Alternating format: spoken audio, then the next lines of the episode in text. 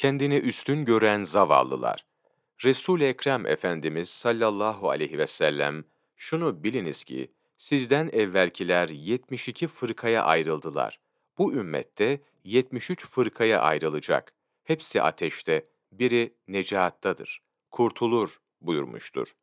Necatta olanların kimler olduğu sorulunca, benim ve ashabımın yolu üzere olanlar buyurmuştur.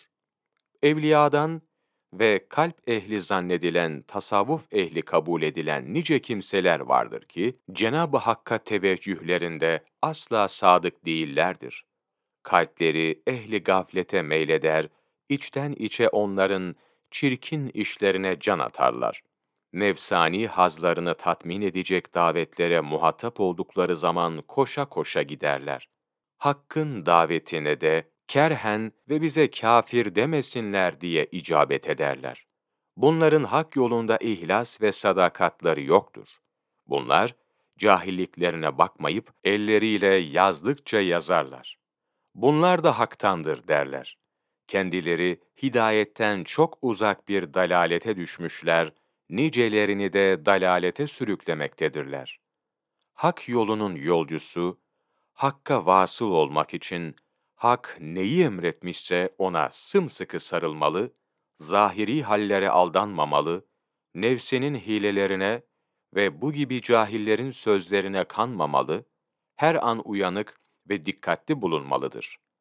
Hak yolu inceden ince, dikten diktir. İnsanların en cahili, nefsinin sıfatlarını gördüğü ve bildiği halde, vaktini boşa harcayıp, onları ıslah ederek Hakk'a vasıl olmaya çalışmayandır. Haris bin Esed el-Muhasibi rahmetullah aleyh demiştir ki, asılsız medihten hoşlanan kimse, maskara edilmekten hoşlanan kimse gibidir.